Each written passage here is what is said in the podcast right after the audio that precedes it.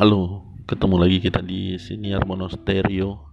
Kali ini ada di episode ke-29 tanggal 15 Mei 2021 dan Wawan sekarang yang akan temani kamu.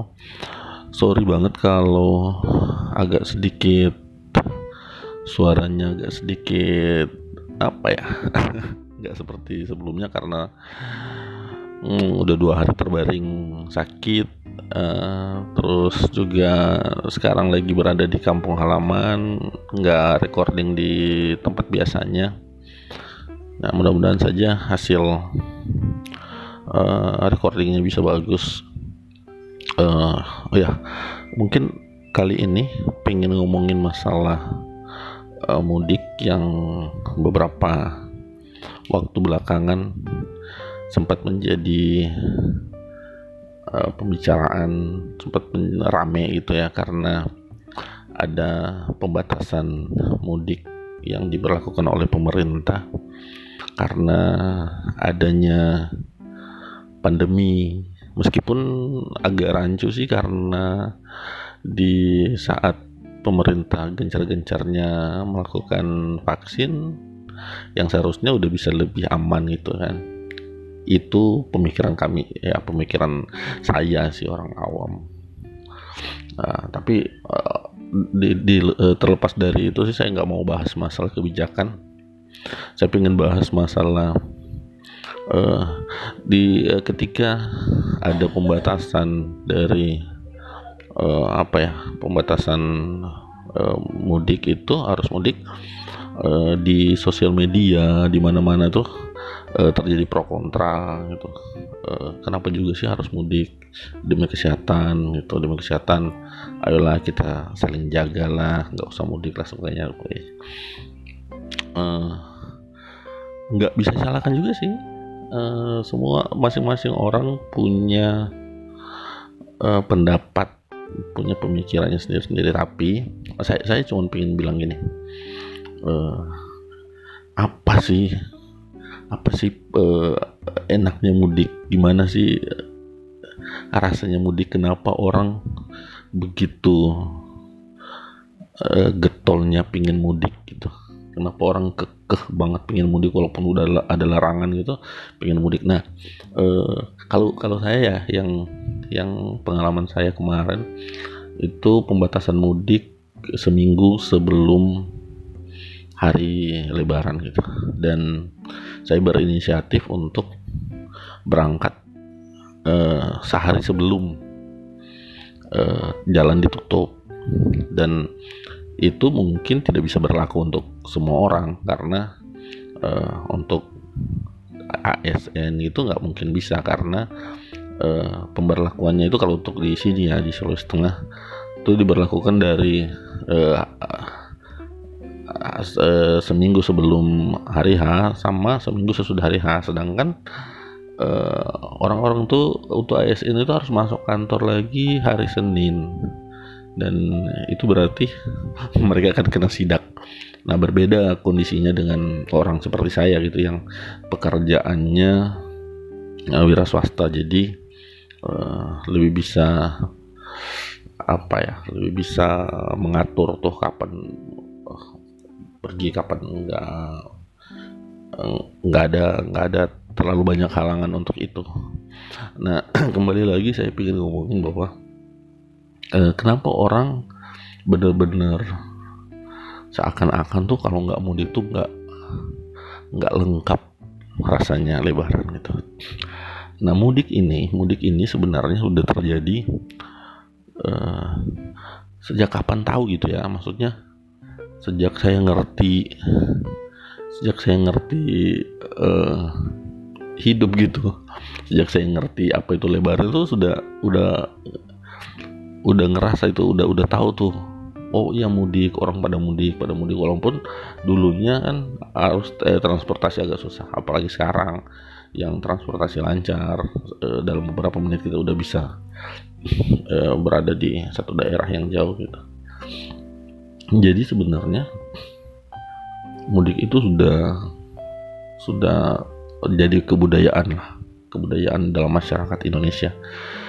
Nah kenapa sampai kemudian banyak orang yang uh, menganggap nggak penting nggak penting sih? Ah nggak usah lah.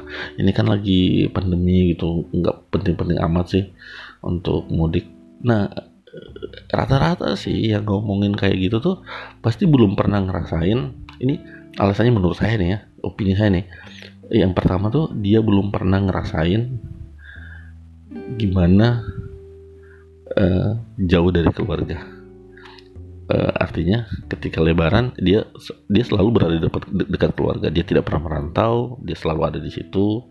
Uh, terus yang kedua kemungkinan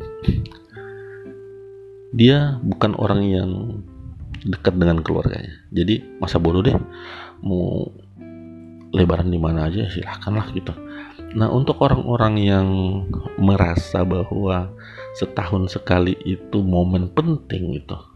Momen penting justru di saat itulah kita ketemu keluarga saat itulah kita bersilaturahmi dengan keluarga besar. Bukan hanya sekedar ibu bapak adik kakak bukan cuma sekedar itu tapi sepupu-sepupu, tante-tante, om. Nah saat itulah kita ketemu uh, ngobrol gitu. Nah apa ya? Nah di situlah indahnya uh, yang dirindukan gitu, yang dirindukan oleh uh, perantau-perantau tuh ketika mau mudik, ketika dibilang mudik tuh uh, pengalaman pribadi nih, pengalaman pribadi bertahun-tahun di uh, tidak di kampung halaman gitu bertahun-tahun merantau.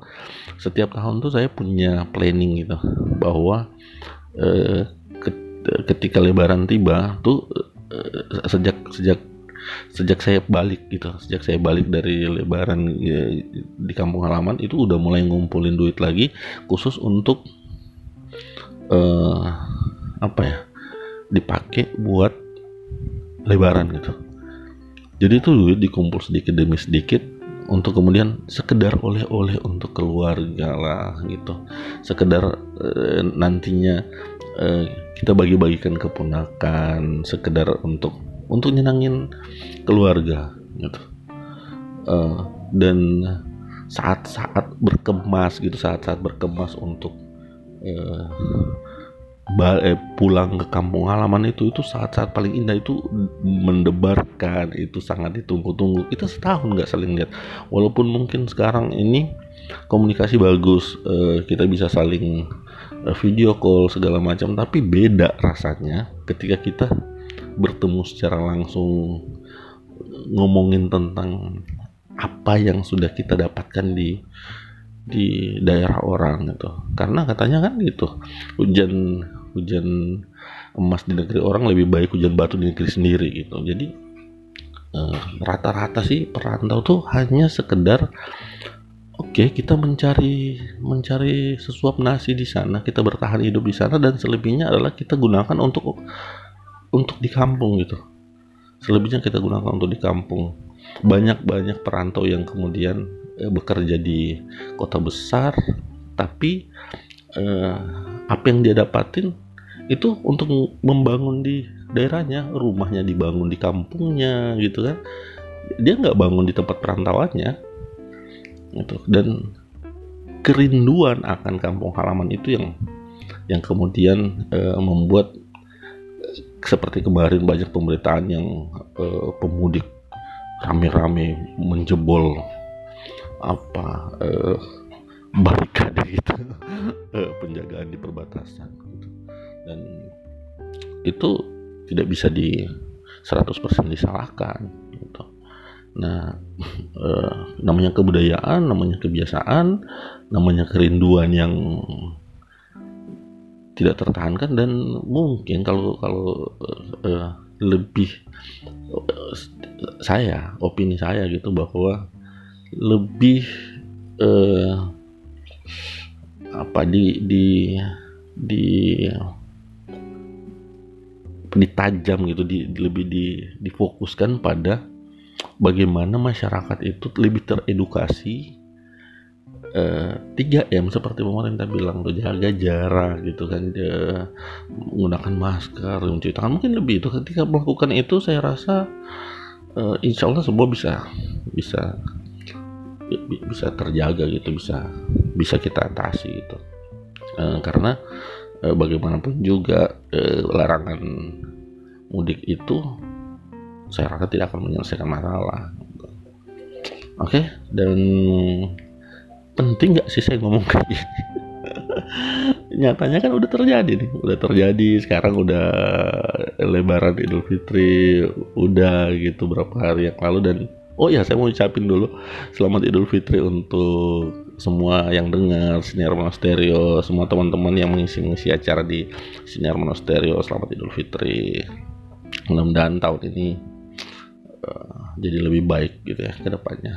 Dan doain saya cepat sembuh. Oke, saya Wawan mau pamit. Salam.